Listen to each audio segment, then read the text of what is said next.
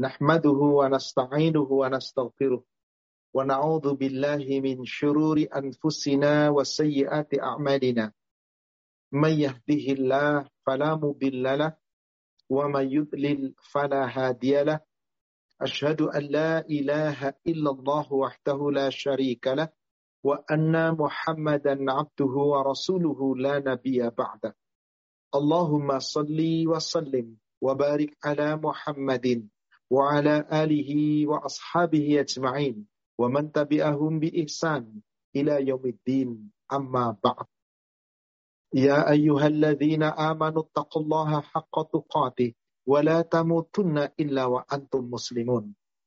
يا أيها الذين آمنوا اتقوا الله وقولوا قولا سديدا. يصلح لكم أعمالكم ويغفر لكم ذنوبكم. ومن يطع الله ورسوله فقد فاز فوزا عظيما معاشر المسلمين والمسلمات رحمني ورحمكم الله Bapak Ibu jamaah masjid taklim Paduka yang semoga dirahmati Allah. Alhamdulillah kita pada hari ini kembali diperjumpakan oleh Allah Subhanahu wa taala. Di dalam kajian kita yang insya Allah kita masih melanjutkan kajian dengan tema meningkatkan iman dan takwa melalui khauf dan roja. Di tiga seri pertama, kita sudah menguraikan tentang makna daripada khauf dan sebagian kecil kita sudah uraikan tentang roja. Hari ini kita akan melanjutkan berkaitan bagaimana konsekuensi seseorang roja punya pengharapan. Setelah khauf rasa takut kita uraikan, roja sebagian sudah kita uraikan, bagaimana kita membuktikan roja. Roja adalah berharap, pengharapan, berharap kepada Allah. Yarjunallah, berharap hanya kepada Allah yarju liqa Allah, berharap untuk berjumpa dengan Allah. Maka cukupkah pengharapan berjumpa, pengharapan untuk mendapatkan pahala dari Allah hanya dengan ucapan? Tentu saja tidak. Harus dibuktikan. Roja harus dengan pembuktian. Jika Anda membuktikan roja Anda kepada Allah, maka insya Allah meningkat iman dan takwa Anda. Salawat serta salam semoga tercurahkan, terlimpahkan kepada Nabi kita, Rasulullah Muhammad Sallallahu Alaihi Wasallam. Semoga tercurah kepada seluruh keluarga, sahabat, dan seluruh pengikutnya hingga yaumil akhir. Saya buka sebagai mukadimah surat 29 yakni surat Al-Ankabut ayatnya ayat yang kelima. Allah Subhanahu wa taala berfirman, A'udzu billahi minasyaitonir rajim. Man kana yarju Allah Barang siapa yang mengharapkan perjumpaan dengan Allah Jadi kita wajib berharap Berharap berjumpa dengan Allah dalam keadaan Allah ridho, dalam keadaan Allah memberikan ampunan, dalam keadaan Allah melimpahkan rahmatnya, bukan dalam keadaan Allah murka yarju liqa Allah. Kita berharap rojak berjumpa dengan Allah.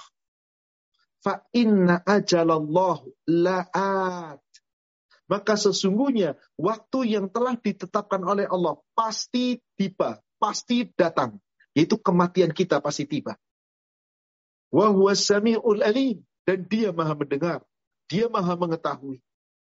Ayat ini memberikan kepada kita kabar bahwasanya setiap orang yang mengharapkan berjumpa dengan Allah, mengharapkan ridhonya Allah, mengharapkan surganya Allah, pasti akan datang kematian kepadanya. Maka sebelum mati datang, rojak kita kepada Allah wajib kita buktikan dengan sebuah aturan Allah.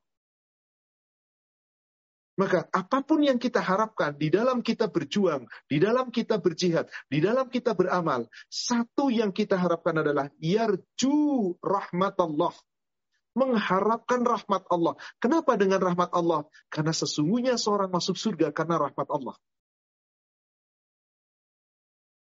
Contoh Al-Baqarah surat 2 ayat 218. Innalladzina amanu wahajaru wajahidu fi sabilillah. Orang-orang yang benar-benar beriman, yang mereka berhijrah, berniat untuk berjihad di jalan Allah. Ketika dia melaksanakan ibadah hablu minallah, habluminan nas, dengan apa pun yang dia lakukan.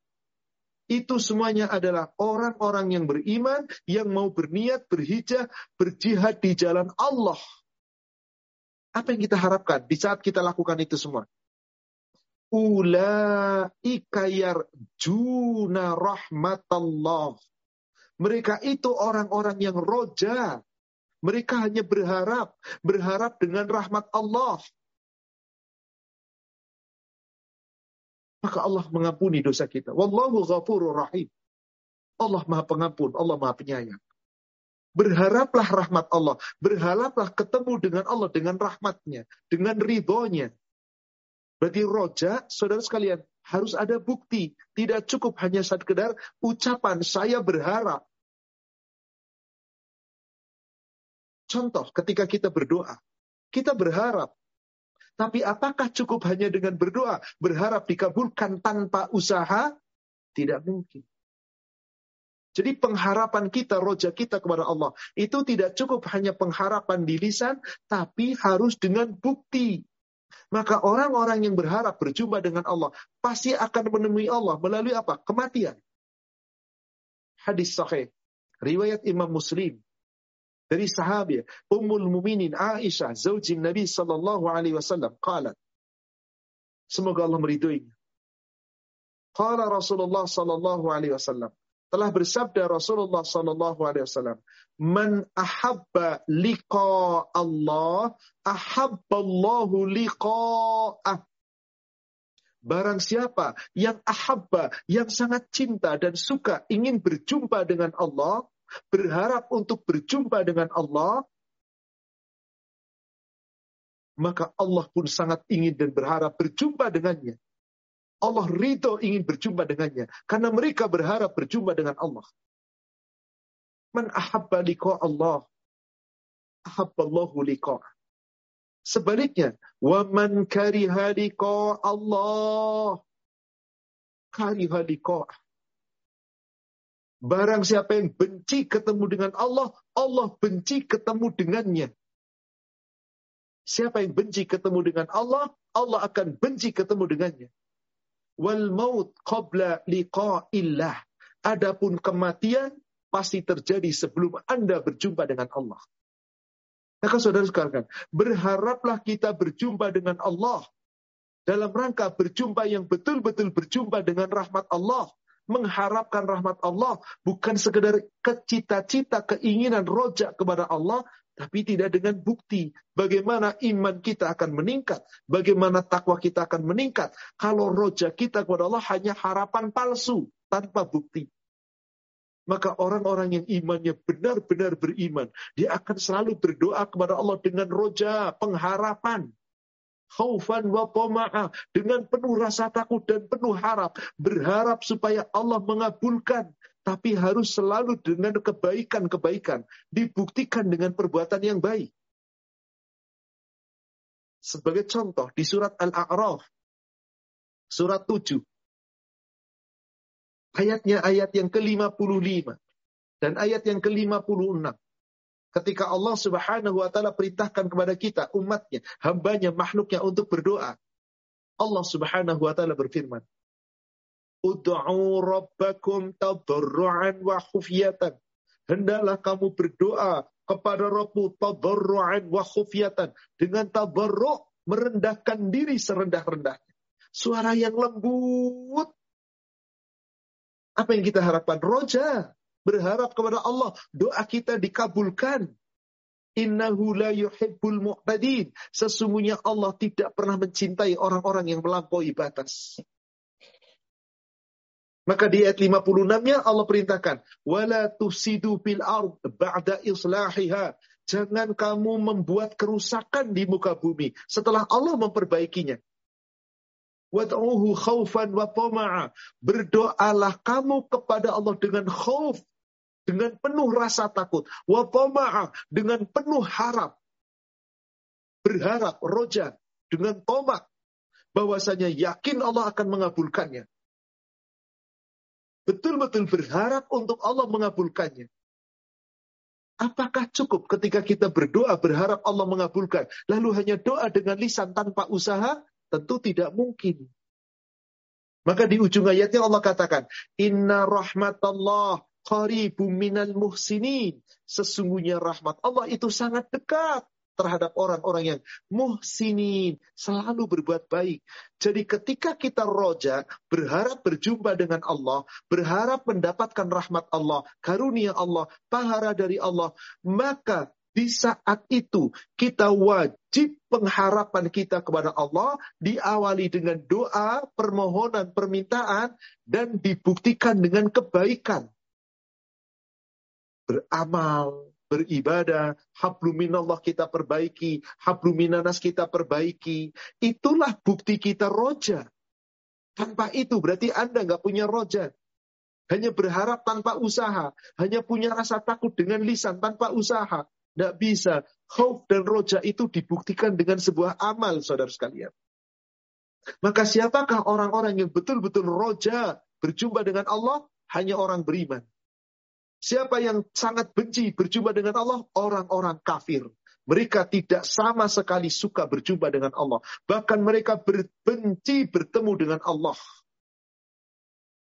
Di dalam hadis yang diriwayatkan oleh Imam Muslim, sama riwayatnya dari Ummul Muminin Aisyah. Semoga Allah meridhoinya. An Aisyah taqalat, qala Rasulullah sallallahu alaihi wasallam.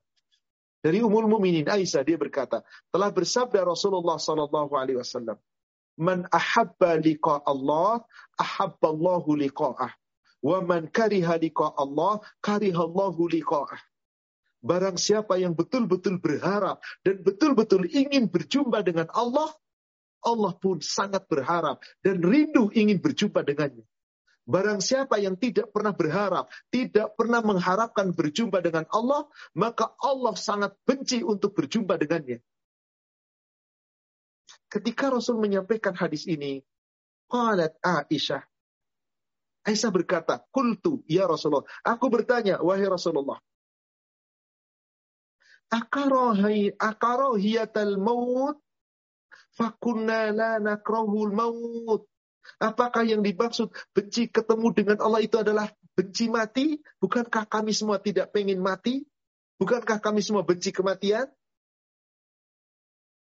Jadi dikira Aisyah benci ketemu dengan Allah itu benci mati.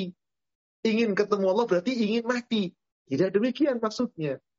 Lalu Rasulullah Shallallahu Alaihi Wasallam menjelaskan apa itu yang dimaksud bukan seperti itu. Laisa kadalika. Bukan, bukan itu maksudnya ya, ya Aisyah. Lalu apa maksudnya? Orang yang roja berharap ingin berjumpa dengan Allah dan sangat suka berjumpa dengan Allah. Busyira bi rahmatillah wa ridwanihi wa jannati ahabba liqa Allah.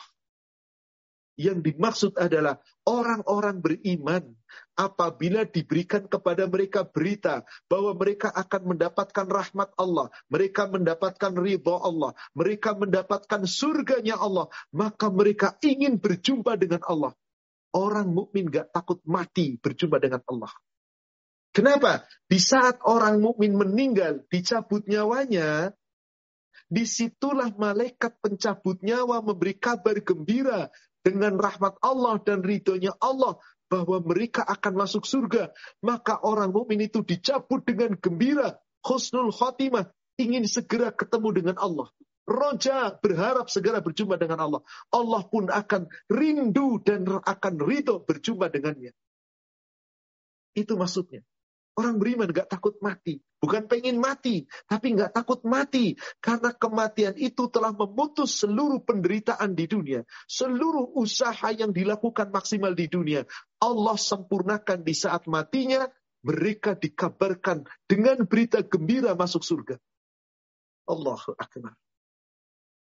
Surat 16, ayat yang ke-32. Kalau mau dirinci dengan detail, ayat itu lanjutan dari ayat 30 dan ayat 31, orang-orang bertakwa yang tidak pernah gentar menghadapi apa pun. Mau diuji dengan kebaikan, mau diuji dengan keburukan, semua itu kebaikan. Dan terus berharap kepada Allah. Bagaimana keadaan mereka saat diwafatkan? Perhatikan ayat ke-32 surat 16. Alladzina tatawaffahumul malaikatu tayyibin yaitu orang-orang yang ketika diwafatkan oleh para malaikat dalam keadaan baik Yakulun, malaikat saat mencabut nyawanya berkata kepada orang yang bertakwa tadi, Salamun alaikum udkhulul jannah bima kuntum ta'malun. Coba siapa yang gak ingin ketemu Allah ketika dapat kabar seperti ini? Siapa di antara kita, wahai hambaku yang beriman, kata Allah. Hai hambaku yang bertakwa, siapa yang tidak ingin berjumpa denganku ketika dikabarkan seperti ini? Malaikat mengucapkan salam, mengabarkan kamu masuk surga. Itulah yang disebut Rasul. Man ahabba liqa Allah, ahabballahu liqa'ah. Siapa yang betul-betul berharap dan ingin sekali dengan rasa cinta berjumpa dengan Allah, Allah pun rindu dan ingin berjumpa dengannya. Yaitu orang yang beriman, jika dikabarkan rahmat Allah, surganya Allah, mereka ingin ketemu dengan Allah segera. Gak mau lagi hidup di dunia. Ketika sudah dikabarkan kematian datang. Itulah yang dimaksud hadis tadi kata Rasulullah. Lalu bagaimana dengan orang-orang kafir? Wa innal kafir idza busyira bi'adabillah. Adapun orang-orang kafir ketika diberi kabar gembira tentang azab Allah, wa sakhatihi, kemurkaan Allah, karihalika karihalika Allah. Orang kafir itu benci ketemu dengan Allah. Wa karihallahu liqa'a. Dan Allah pun sangat membalas kebencian Allah terhadap mereka. Allah nggak mau ketemu dengan mereka. Jadi orang kafir itu takut mati, nggak bakal mau mati. Kenapa? Di saat dicabut nyawanya, dikabarkan tentang berita gembira, azab neraka. Jadi berita menyedihkan sebetulnya. Tapi dikatakan berita gembira sebagai hinaan dan sindiran. Jadi orang mati ke kafir, orang yang kafir dalam kematiannya dikabarkan masuk neraka, nggak mau melepaskan nyawanya, pengen dipertahankan. Lihat surat 8 surat Al-Anfal ayat 50. Bagaimana Allah menggambarkan orang-orang kafir ketika dicabut nyawanya. Dan mereka nggak mau mempertahankan dirinya. Tapi Allah perintahkan malaikat mencabutnya dengan paksa. Walau tara yatawaffal ladhina kafarul malaika yabribu wujuhahum wa adbarahum Sungguh alangkah ngerinya. Sungguh alangkah dahsyatnya. Sekiranya kamu melihat ketika malaikat pencabut nyawa orang-orang kafir. Dipukul-pukulnya wajahnya, dipukulnya belakangnya, punggungnya. Apa yang dikatakan malaikat? Wadhuku azabal hariq. Rasakanlah kelak olehmu siksa neraka yang membakar. Apakah mereka mau ketemu Allah? Benci ketemu dengan Allah. Nggak mau. Maka orang kafir sampai kapan pun benci ketemu dengan Allah. Sedangkan orang beriman, roja, berharap. Dan pengharapannya bukan cuma di lisan, tapi dibuktikan di samping lisan dengan doa dan amal yang sungguh-sungguh dalam mentaati Allah dan Rasul. Maka meningkat iman seorang hamba ketika dia memiliki rasa khauf dan roja yang benar bukan cuma hauf di lisan, rojak di lisan tanpa bukti. Maka orang kafir ingin ketemu dengan Allah Tuhan mereka, iya. Ingin ingin masuk surganya, iya. Cita-cita mereka surga, iya. Tapi surga bukan milik Tuhan mereka. Tuhan yang mereka ibadahi bukan Allah Rabb kita. Maka Allah benci ketemu dengan mereka. Mereka pun benci ketemu dengan Allah. Bahkan kemurkaan Allah saat nanti. Orang-orang kafir dibangkitkan di padang masyar. Orang-orang kafir dibangkitkan. Kemudian di saat hendak dihisap. Bahkan diperjumpakan dengan Allah nanti di umil akhir. Orang kafir hanya menyesal dengan satu penyesalan. Perkataan yang tidak berguna yang dulu di dunia tidak pernah menyesali itu. Maka mereka tidak punya harapan untuk berjumpa dengan Allah. Dan benci ketemu dengan Allah. Maka nanti di hari kiamat, Allah menyeru kepada orang kafir. Yang mereka benci ketemu dengan Allah. Kemurkaan Allah lebih dahsyat terhadap mereka. Bahkan terhadap diri-diri mereka benci kepada dirinya. Kebencian Allah lebih dahsyat lagi. Karena orang kafir tidak pernah berharap berjumpa dengan Allah. Dia berharap berjumpa dengan Tuhan yang selain daripada Allah. Padahal mereka diciptakan oleh Allah. Surat 40. Surat Fussilat. Atau surat Hamimah Sajdah. Lihat ayat 10 dan ayat ke-11. Innalladzina kafaru. Sesungguhnya orang-orang kafir itu. Yuna dauna akan dipanggil oleh Allah nanti, diseru oleh Allah nanti kepada mereka diserukan. La maktullah akbaru mim maktikum anfusakum. Hai orang-orang kafir, kebencian Allah, kemurkaan Allah sesungguhnya lebih besar dibandingkan kebencianmu kepada dirimu sendiri. Orang kafir itu akhirnya benci kepada dirinya. Karena mereka tidak mendapatkan rahmat Allah. Mereka tidak pernah berharap berjumpa dengan Allah maka sangat benci kepada dirinya. Tapi kebencian Allah, kemurkaan Allah lebih dahsyat, lebih besar dibandingkan mereka terhadap diri mereka sendiri. Kenapa? Ihtud'auna ilal iman fatakfurun. Dahulu di dunia dipanggil Allah, diseru Allah, hayo kepada iman, mari kembali kepada iman. Mereka kafir, mereka ingkar. Maka di saat di neraka, di saat di situ di akhirat, di saat mereka hendak dimasukkan ke dalam azab neraka, satu ucapan yang diucapkan orang kafir adalah penyesalan akan dosa-dosa. Mengakui dosanya. Sementara di dunia nggak pernah mengakui dosa. Tapi pengharapan semu. Beda dengan orang beriman. Berharap berjumpa dengan Allah, berharap rahmat Allah, berharap karunia Allah, ridha Allah, surganya Allah, dan selalu memohon ampun dan berusaha untuk memperbaiki diri. Dan terus meningkatkan amal ibadahnya. Inilah perbedaannya. Maka di ayat ke-11 yang orang kafir itu berkata, Rabbana.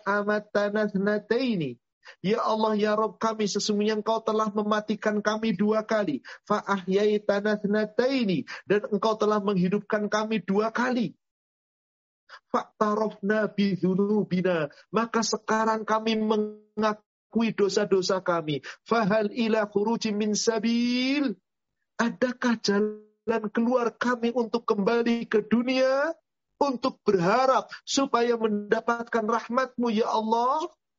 Luar biasa saudara sekalian. Penyesalan orang kafir. Apakah yang dimaksud orang kafir benci kepada dirinya sendiri? Coba buka surat 78 ayat yang ke-40, ayat terakhir. Inna anzarnakum azaban qariba. Hai orang kafir, kami telah memberikan peringatan kepada kamu ketika masih hidup di dunia. Ada azab neraka dan dekat waktunya. Sementara kamu tidak peduli dengan peringatan Allah. Bahkan kamu mencari Tuhan selain Allah. Padahal sudah diancam adanya azab yang dekat. Yauma yang zurul mar'u ma qaddamat. Yaitu nanti di padang masyar. Ketika setiap manusia diperlihatkan atas apa seluruh yang pernah diperbuat di dunia. Maka bagaimana penyesalan orang kafir? Perhatikan ujung ayatnya. Wa yaqulul kafiru ya laitani kuntu turaba. Orang-orang kafir hanya menyeru, aduhai, aduhai, Sekiranya dulu di dunia aku jadi tanah saja, nggak pernah jadi manusia. Jadi orang kafir itu benci benar kepada dirinya. Sampai-sampai berharap dulu di dunia nggak pernah jadi manusia, jadi tanah saja. Bukankah kita asalnya dari tanah? Kenapa orang kafir berkata demikian? Karena orang kafir sudah memandang siksa neraka yang pasti akan dilaluinya. Sebab di dunia nggak pernah roja, berharap kepada Allah. Dia hanya berharap dengan gelimang dunia. Dia berharap dengan agamanya, dengan Tuhan yang selain Allah, mendapatkan surga dari Tuhan mereka. Harapan semu. Bagaimana orang beriman, saudara sekalian? Harapannya hanya ditujukan kepada Allah. Yarjulika Allah. Maka siapa pun dari kita berharap berjumpa dengan Allah dengan pengharapan yang sesungguhnya Gak boleh cuman berpangku tangan. Apa yang harus kita lakukan? Kita lihat surat Al-Kahfi. Surat 18 ayat 110. Qul Muhammad katakan. Innama ana basyarum mislukum yuha ilai. Sesungguhnya aku ini manusia biasa seperti kamu ya Muhammad. Bedanya aku mendapatkan wahyu. Telah diwahyukan kepadaku. Alkitab, Al-Quran. Yuha ilai. Apa isi pokok wahyu itu? Innama ana basyarum mithlukum yuha ilai. Annama ilahukum ilahu wahid. Isi pokok daripada kitabullah adalah Sesungguhnya ilahmu yang wajib kamu taati, kamu ibadahi, kamu ikuti adalah Allah yang ahad. Faman kana yarju liqa'a rabbih. Maka barang siapa yang roja, mereka berharap berjumpa dengan Allah, Rabb mereka. Dalam keadaan Allah ridho tentu saja. Falyamal amalan salih hendaklah mereka buktikan rojaknya itu dengan amal-amal saleh. Kalau Anda rojak berharap kepada Allah dengan penuh rasa takut, lalu membuktikan dengan amal soleh, pasti meningkat iman dan takwa kita. Tapi kalau rojak tanpa pembuktian, hanya berharap surga nggak membuktikan iman dan amal soleh, nggak ada gunanya. Omdo, hanya ucapan. NATO, no action, talk only. Inilah roja. Harus dengan bukti. Maka dikatakan, faman kana yarju. Maka barang siapa yang mereka roja, mereka berharap liko arabihi berjumpa dengan Robnya, falyamal amalan salihan fala yushrik bi ibadati rabbihi ahada. Mutlak wajib dijalankan. Hendaklah beramal dengan amal yang saleh dan jangan pernah menyekutukan sesuatu pun dengan Allah di dalam beribadah kepada Allah. Murnikan tauhid, tinggalkan segala bentuk syirik, aman Anda dunia akhirat. Inilah bukti Anda rojak kepada Allah. Insya Allah meningkat iman dan takwa kita. Rojak tanpa upaya nggak bisa. Karena ada perintah di situ. Jelas sekali ayatnya. Faman kana yarju liqa rabbihi. Barang siapa yang roja, yang berharap berjumpa dengan Robnya. Berarti berjumpa dengan Allah dalam keadaan mendapat rahmat Allah. Mendapatkan ridho Allah. Mendapatkan karunia Allah. Maka sesungguhnya mereka wajib memenuhi perintah Allah. Yakni amalan salihan. Beramal dengan amal saleh wala yusyrik bi ibadati rabbih ada dan amal soleh itu tidak boleh dicampur aduk dengan kesyirikan dalam ibadah sedikit pun anda aman jika Anda imannya tidak dicampur aduk dengan syirik. Itulah rojak yang harus kita buktikan. Surat 8. Afan, surat 6. Al-An'am. Ayat 82. Surat 6 surat Al-An'am ayat 82. Allah Subhanahu wa taala berfirman, "Walladzina amanu" dan orang-orang yang beriman, walam yalbisu imanahum bi bi, bi zulmin. Alladzina amanu, orang-orang yang beriman, walam yalbisu imanahu bidzulmin. Yang tidak mencampur adukan imannya dengan kesyirikan ulaika lahumul amnu wahum muhtadun. Mereka itulah orang-orang yang oleh Allah diberikan rasa aman. Mereka dapat petunjuk. Imannya meningkat dengan petunjuk. Aman dunia dan akhirat. Karena Allah yang melindunginya. Apa sebabnya dia berharap berjumpa dengan Allah dan dia lakukan sungguh-sungguh dalam ketaatan dan dia tidak menyekutukan sesuatu dengan Allah. Aman saudara sekalian. Berarti roja nggak cukup dengan harapan lewat lisan. Khauf nggak cukup pernyataan lewat lisan. Bukti Anda takut berarti harus ibadah kepada Allah. Berharap berjumpa dengan Allah, ibadah dengan baik kepada Allah. Surga Allah, Allah akan berikan. Saudaraku seiman, yang semoga dirahmati Allah. Jamaah paduka di mana pun yang berada mengikuti kajian kita. Sungguh, Orang-orang yang beriman ketika mengharapkan perjumpaan dengan Allah, mereka akan bersungguh-sungguh di dalam kehidupan dunianya, dalam rangka ibadah untuk mentaati Allah dan Rasulnya. Karena rojaknya hanya satu, rojo yarju liko mengharapkan perjumpaan dengan mengharapkan kasih sayang Allah, mengharapkan surganya Allah. Pada suatu ketika, di dalam hadis yang diriwayatkan oleh Imam Bukhari dan Muslim, dari sahabat Abu uh, Muaz bin Jabban. Pada suatu ketika Muaz bin Jabal membonceng keledai Rasulullah yang diberi nama Ufair. Rasul sedang berjalan dengan Muaz. Muaz membonceng keledainya Rasulullah. Di tengah perjalanan Rasulullah memberikan pertanyaan, sebuah tawaran kepada Muaz. Ya Muaz, dipanggilnya Muaz. Labbaik ya Rasulullah, wa. Hamba ya Rasulullah. Hamba dengar panggilanmu ya Rasulullah. Mendengar jawaban Rasul, berarti Muaz, Rasul di, di depan, berarti menghadap ke depan. Muaz membonceng di belakang. Rasul tidak melihat wajahnya Muaz. Pertanyaan Rasul itu diulang lagi. Ya Muaz, lebih ya Rasulullah, wa. Hamba ya Rasulullah, saya mendengar panggilanmu ya Rasulullah, dan saya patuhi panggilanmu ya Rasulullah. Sampai tiga kali, ya Muaz, Labbaik ya Rasulullah wa. Tiga kali diucapkan Rasul memanggil Mu'az. Rasul hendak menyampaikan sesuatu. Mu'az menyambut dengan semangat. Berarti Rasul tahu. Mu'az saat itu betul-betul menunggu apa yang akan diperintah oleh Rasul. Ternyata Rasul bertanya kepada Mu'az. Setelah mengucapkan, Ya Mu'az, dijawab sampai, Labbaik ya Rasulullah wa. Maka Rasulullah kemudian bertanya kembali, Ya Mu'az, wahai Mu'az, tadri ma haqqullahu 'ala al-ibad wa haqqul ibadu 'ala Allah. Tahukah kamu apa apakah itu hak Allah terhadap hamba? Dan tahukah kamu ya Muaz, apa itu hak hamba terhadap Allah?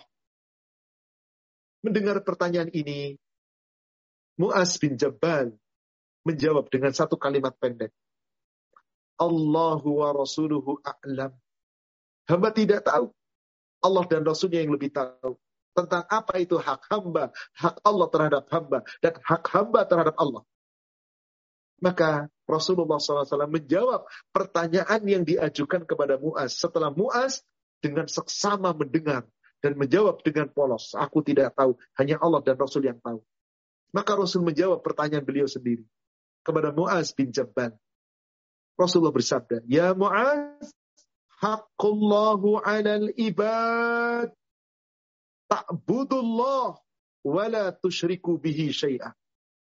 Wahai Muaz, hak hamba terhadap Allah adalah kamu harus ibadah kepada Allah dan tidak boleh menyekutukan sesuatu pun dengan Allah. Di dunia, tugas kita adalah beribadah kepada Allah. Hambakan diri kita kepada Allah. Dengan roja, berharap akan mendapatkan ridha Allah.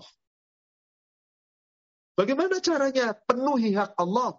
Apa itu hak Allah terhadap hamba? Hamba menjalankan perintah Allah, meninggalkan larangan Allah, mengikuti syariat Allah, ibadah hanya kepada Allah, dan tidak boleh menyekutukan dengan sesuatu. Kalau hamba itu telah menjalankan hak Allah di dunia, maka hakul ibadu Allah, nanti hamba dapat hak dari Allah di yaumil akhir. Apa itu hak hamba terhadap Allah? hakul ibadu Allah la yu'adzibhum man la yushriku bihi syai'ah. Allah tidak pernah akan mengazab, menyiksa mereka, hamba-hamba Allah yang di dunia hamba itu tidak pernah menyekutukan sesuatu pun dengan Allah. Jadi saudara sekalian, Anda punya khauf dan roja terhadap Allah, buktikan dengan amal ibadah, Taati Allah sebenar-benarnya, taati Rasul sebenar-benarnya, dan jangan mencampur aduk dengan kesyirikan. Aman Anda. Itulah bukti Anda khauf dan roja. Pasti meningkat imannya. Pasti meningkat takwanya. Pasti perbuatan amalnya akan lebih baik. Karena paham apa yang dimaksud khauf, apa yang dimaksud roja. Bukan hanya makna khauf dan roja dipahami. Tapi konsekuensi dari khauf dan roja apa yang harus kita lakukan. Maka orang-orang yang beriman, yang hanya takut kepada Allah dan berharap kepada Allah. Kalau diperintah Allah pasti sami'na wa ato'na. Diperintahkan untuk datang ke masjid makmur masjid sami'na wa ato'na. Diperintahkan sholat, diperintahkan zakat sami'na wa ato'na. Kenapa? Karena mereka berharap berjumpa dengan Allah. Karena mereka pengharapannya adalah ingin berjumpa dengan Allah. Dan itu dilakukan dengan penuh rasa takut. Rasa takut kepada Allah. Takut yang betul-betul takut dibarengi dengan roja. Surat At-Taubah, surat 9, ayat yang ke-18. Allah subhanahu wa ta'ala berfirman. Innama ya'muru masajidallah man amana billahi wal yaumil akhir wa aqama salat wa ataz zakah wa lam yakhsha illallah. Sesungguhnya orang-orang yang paling berhak memakmurkan masjid-masjid Allah. Siapa mereka? Orang-orang yang benar-benar beriman kepada Allah, benar-benar beriman kepada hari akhir, mereka betul-betul mendirikan sholat, mereka menunaikan zakat, dan mereka orang yang tidak pernah takut kecuali hanya kepada Allah. Maka mereka hanya berharap dengan Allah. Fa'asa ulaika minal muhtadin. Mereka itulah orang-orang yang Allah mengharapkan agar mereka termasuk golongan orang-orang yang mendapatkan petunjuk. Jadi ada usaha di sana apa? Ada takut kepada Allah, Anda berharap berjumpa dengan Allah, ada usaha. Apa usahanya? Bersungguh-sungguh. Takutlah kepada Allah, dirikan sholat dengan baik, tunaikan zakat, makmurkan masjid. Wahai para laki-laki, sholat Anda tempatnya di masjid. Bukan di rumah. Ini cara kita roja, berharap. Sesuai dengan aturan, mentaati Allah dan Rasul. Bukan cuma sekedar ibadah tanpa aturan. Tidak boleh. Karena ketaatan kepada Allah itu mutlak. Ketaatan kepada Rasul itu mutlak. Maka siapa yang ingin dicintai Allah, berjumpa dengan Allah, dengan Allah mencintainya, ikuti Rasul. Ali Imran, serat ayat ke-31 dan ayat ke-32. Bagaimana Rasulullah Sallallahu Alaihi Wasallam perintahkan di situ? Qul Muhammad katakan, In kuntum tuhibbunallah. Jika kamu benar-benar mencintai Allah, Fattabi'uni, ikutilah aku. Siapa yang dimaksud aku di sini? Rasul. Ikuti Rasul. Kalau anda beribadah mengikuti Rasul, Anda berumumalah mengikuti aturan Rasul, di dalam kehidupan kita mengikuti Rasul, yuhibbukumullah wa yaghfir lakum dzunubakum. Niscaya Allah mencintaimu dan Allah mengampuni dosa-dosamu. Wallahu ghafurur rahim. Allah Maha Pengampun, Allah Maha Penyayang. Ini bukti kita khauf dan roja. Pak. Ada bukti mentaati dengan kesungguhan. Maka di ayat ke-32-nya Allah katakan, Qul Allah war rasul. Katakanlah, taatilah Allah, taatilah Rasul. Fa in tawallau, jika mereka berpaling, fa innallaha la yuhibbul kafirin. Allah enggak pernah mencintai orang yang kafir. Karena berpaling dari Allah dan Rasul. Mereka tidak pernah berharap kepada Allah. Silakan. Meskipun Anda mengklaim akan berjumpa dengan Allah, mendapatkan surganya Allah, silakan. Tapi Allah tidak pernah mencintai orang-orang yang kafir. Siapa yang dicintai? Orang yang mau mentaati Allah dan Rasul.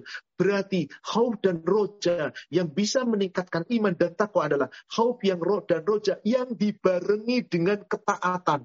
Tanpa ketaatan nonsen. Omong kosong. Gak ada khauf dan roja. Harus dengan bukti saudara sekalian. Lihat kembali surat An-Nur, surat 24. Lihat ayat 52. Yuti'illah wa rasulahu wa yahshallah wa yattaqhi dan barang siapa yang mentaati Allah, kemudian mentaati Rasul, dan betul-betul takut, hanya takut kepada Allah wayatakhi dan bertakwa kepadanya. Rasa takut dibarengi dengan roja, pengharapan. Maka dibuktikan dengan takwa. Fa'ulaika humul muflihun. Mereka pasti orang-orang yang beruntung. Ingin beruntung? Mari khauf kita dan roja kita. Kita buktikan. Gak cuma dengan retorika. Maka diperintah kita untuk mentaati Allah. Diperintah untuk mentaati Rasul. Kalau berpaling, ya terserah Anda. Tanggung jawab bukan tanggung jawab Rasul. Lihat surat yang sama, surat 24 ke ayat 54-nya. Qul Allah. Taatilah Allah, kata Katakan ya Muhammad, suruh taati Allah. Wa ati'ur Rasul. Taati pula Rasul. Fa'in tawallau. Jika mereka berpaling dari ketaatan. Fa'innama alaihi ma hummila. Kewajibanmu hai Muhammad adalah apa yang dibebankan kepada kamu. Wa alaikum ma hummiltum. Kewajiban kamu hai umat Muhammad adalah apa-apa yang Allah dan Rasul bebankan kepada kamu. Wa in tuti'u jika kamu betul-betul mentaati apa pun yang Allah dan Rasul perintahkan, tahtadu, kamu pasti mendapat petunjuk. Wa ma'ala rasul illal balaghul mubin. Tugasnya Rasul hanyalah menyampaikan balag dengan mubin, nyata, jelas. Tanggung jawab amal Anda masing-masing. Rasul menyampaikan, kita diperintahkan untuk mentaati Allah dan Rasul. Yang mentaati Allah dan Rasul, Anda akan selamat. Kalau tidak mentaati Allah dan Rasul, percuma. Iman Anda belum tentu sempurna di hadapan Allah. Allah yang menyatakan itu. Lihat An-Nisa ayat 65.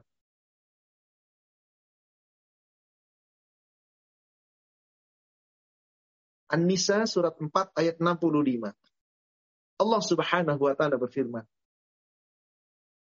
"Fala wa rabbika la yu'minuna hatta yuhaqqimuka fi ma syajara bainahum." Maka demi Tuhanmu, demi Rabbmu, La yu'minuna. Mereka belum beriman. Atau mereka tidak beriman. Hatta yuhakimu kafima syajara bainahu. Sampai mereka yang mengaku beriman. Mau menjadikan kamu ya Muhammad sebagai hakim. Putus perkara dari seluruh yang telah mereka perselisihkan di antara mereka.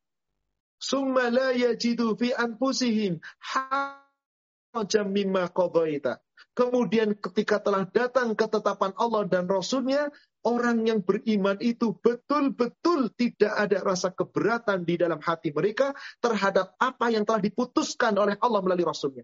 Haraja bima Di saat telah ada ketetapan Allah dan Rasul, wa yusallimu taslima, menerimanya dengan sepenuhnya, taslim, taat secara utuh. Bahagia. Inilah bukti kita khauf dan roja. Anda nonsen dikatakan khauf dan roja kalau belum mentaati Allah dan Rasul dengan sebenar-benarnya. Maka siapa orang-orang yang akan berjumpa dengan Allah dalam keadaan gembira? Orang-orang yang di dunia mentaati Allah dan Rasulnya. Saudara sekalian, Anda ingin masuk surga harus punya cahaya iman. Tanpa cahaya iman nggak bisa. Tapi cahaya iman gak bakal Anda dapatkan kecuali dengan rahmat Allah. Rahmat Allah gak bakal Anda dapatkan kecuali ketika Anda di dunia berharap dalam iman Anda, hijrah Anda, jihad Anda, amal Anda. Yarjuna rahmat Allah. Mengharap rahmat Allah. Seperti yang sudah saya sampaikan tadi di depan. Al-Baqarah 218. Maka jika di dunia Anda belum mengikuti aturan Allah dan Rasulnya, nggak bisa. Maka untuk masuk surga, saudara sekalian, Anda harus membawa cahaya iman. Coba kita lihat Al-Hadid, surat 57 ayat 12. Lalu bagaimana nanti lihat ayat yang ke-13? Lihat ayat 12 ya dulu.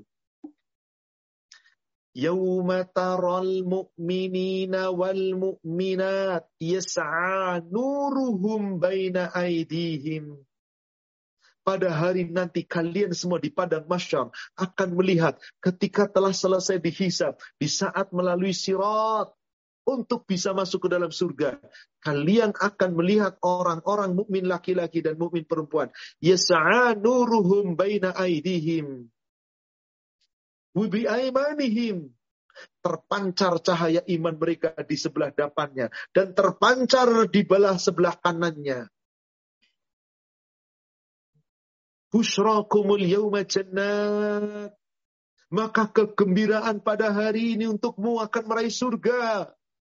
Tajri min tahtihiman, tahti min tahtihal anhar, khalidina fiha. Mengalir sungai-sungai di bawahnya kekal selama-lamanya. Dzalika huwal fawzul adim. Itulah kemenangan yang besar. Kenapa mereka mendapatkan surga? Tadi ibadah kepada Allah di dunia dengan khauf dan roja dan tidak dikotori dengan kesyirikan. Dibuktikan Anda dapat cahaya iman.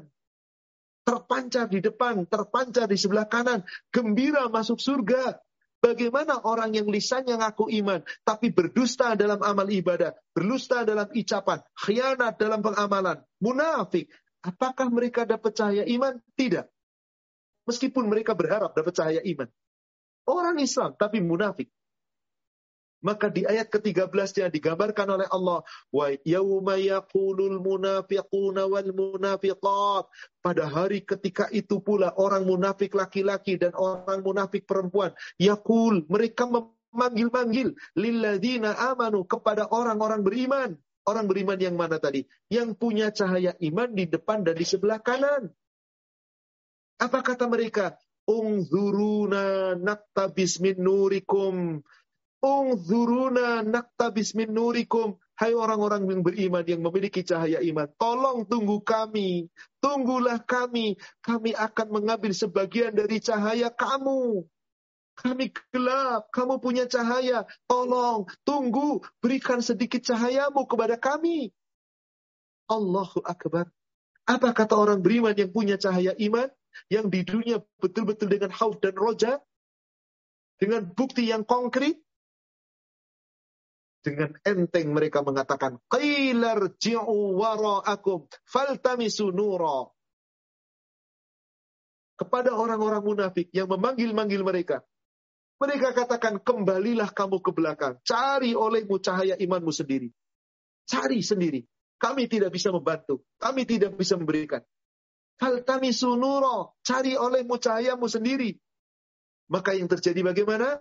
Bainahum bisurillahu bab antara orang yang iman sebenar-benarnya iman, yang membawa cahaya iman, dengan orang-orang munafik yang mengaku iman, tapi tidak memiliki cahaya iman. Dipisahkan oleh Allah.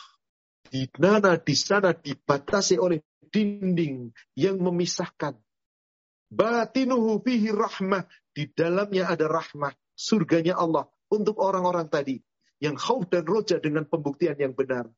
Wa min kibalihil adab di luarnya ada siksa bagi orang-orang Islam yang munafik, yang Islam pengakuan tapi tidak dibuktikan dengan amal.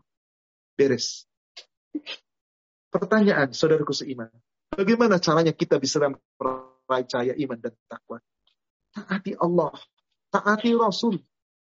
Itu yang Allah kehendaki. Taati Allah, taati Rasul. Masih di surat yang sama, coba ke ayat 28. Ya ayyuhalladzina amanu ittaqullah. Hai orang-orang yang beriman, bertakwalah kamu kepada Allah. Diperintah untuk takwa kepada Allah. Wa aminu bi rasuli dan ketika kamu beriman kepada Allah, tetaplah kamu imani rasulmu. Jadi iman kepada Allah dan Rasul itu disejajarkan, Mbak. Hei orang beriman, takwalah kamu kepada Allah dan tetaplah beriman kepada Rasul. Kalau Anda di dunia mentaati Allah dan Rasul dengan sempurna, yu'tikum kiflaini mir rahmatihi. Niscaya Allah memberikan kepadamu rahmatnya dua bagian. Wa yaj'alakum nura. Dengan rahmat dua bagian, nanti rahmat itu Allah akan berikan di surga menjadi cahaya tamshu nabihi. Dengan cahaya itu kamu berjalan. Wa lakum. Allah berikan ampunan bagimu. Cahaya iman. Didapatkan karena kita mentaati Allah dan Rasul di dunia. Maka sungguh. Wallahu ghafurur rahim.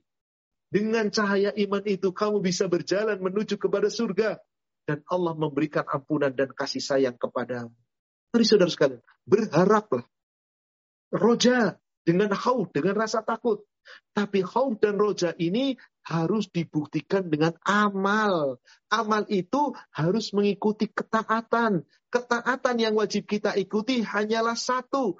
Taati Allah, taati Rasul, ati Allah, wa ati ur Rasul. Itu yang Allah inginkan, saudara sekalian. Itu yang Allah inginkan. Jika kita benar-benar mentaati Rasul, sempurna. Jika kita betul-betul mentaati Allah, sempurna. Ketaatan kita kepada Allah belum sempurna kalau kita belum mentaati Rasul dengan sebenarnya. Jadi mutlak, ketaatan kepada Rasul itu harus kita lakukan. Kenapa? Karena di surat An-Nisa ayat 80 Allah berfirman, "Mayyuti'ir rasul faqad apa Allah wa man tawalla fa innama ada rasulinal balal." Barang siapa yang mentaati Rasul, sesungguhnya dia telah mentaati Allah. Wa man.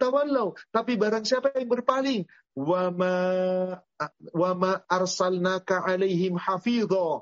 Muhammad, jika hambamu, umatmu berpaling, kami tidak mengutus kamu untuk menjaga mereka. Mereka harus menjaga diri. Mereka wajib menjaga diri. Maka Nabi Shallallahu Alaihi Wasallam bersabda dalam hadis riwayat Imam Muslim dari Abu Hurairah, manahaitukum anhu fajtanibu. Apa-apa yang telah aku larang kamu mengerjakannya tinggalkan. Wa ma amartukum anhu. Faf'alu mastata'tum. Apa-apa yang kami perintahkan untuk kamu menjalankannya lakukan sekuat daya tenagamu. Fattaqullah mastata'tum. Wa'malu mastata'tum takwa kepada Allah itu semampu kamu dan beramalah sekemampuan kamu. Mentaati Allah, mentaati Rasul, surga jaminannya. Allah yang menyatakan itu saudara sekalian.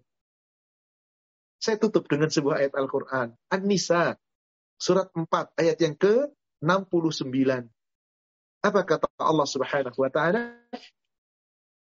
May yuti'illah war rasul فَأُولَٰئِكَ مَعَ الَّذِينَ أَنْعَمَ اللَّهُ عَلَيْهِمْ مِنَ النَّبِيِّينَ وَالصِّدِّيقِينَ وَالشُّهَدَاءِ وَالصَّالِحِينَ وَحَسُنَ أُولَٰئِكَ رَفِيقًا. الله أكبر. Barang siapa yang betul-betul mentaati Allah dan mentaati Rasulnya, maka mereka itulah orang-orang yang kelak Allah akan tempatkan di surga bersama orang-orang yang telah Allah beri nikmat kepada mereka di surga. Dikumpulkan bersama siapa? Minan nabiyyin. Dikumpulkan bersama para nabi-nabi. Wasiddiqin. Orang-orang yang jujur, yang sidik, yang benar. Dari kalangan para sahabat dan tabi dan tabi tabi dan orang-orang yang siddiq sepanjang hidupnya. Wasyuhada Allah tempatkan dengan orang-orang yang mati syahid di medan perang dari kalangan para sahabat yang berjuang dengan Rasulullah. Wasalihin dan orang-orang yang saleh. Semoga minimal kita menjadi kelompok yang keempat, orang-orang yang saleh. Wahasuna rafiqa. Maka sesungguhnya anak-anak atau teman-teman yang berada di surga tadi. Dari ketemu dengan para nabi-nabi, ketemu dengan siddiqin, ketemu dengan syuhada, ketemu dengan orang-orang soleh. Itulah teman yang terbaik. Semoga kita termasuk bisa berkumpul dengan orang-orang yang terbaik. Orang-orang yang khauf dan roja. Mengharapkan dengan rasa takut berjumpa dengan Allah. Mendapatkan surganya Allah. Tapi dengan bukti kesungguhan. Mangkana yarju liqa'a falyamal amalan salihan wala yusyrik bi ibadati rabbih ahada. Insya Allah jika kita buktikan ayat ini, amalkan ayat ini, iman Anda, takwa Anda insya Allah meningkat di hadapan Allah. Dan nanti Allah yang akan memberikan balasan itu semua. Wallahu a'lam. Demikian, saudaraku seiman, para jamaah paduka yang semoga dirahmati Allah.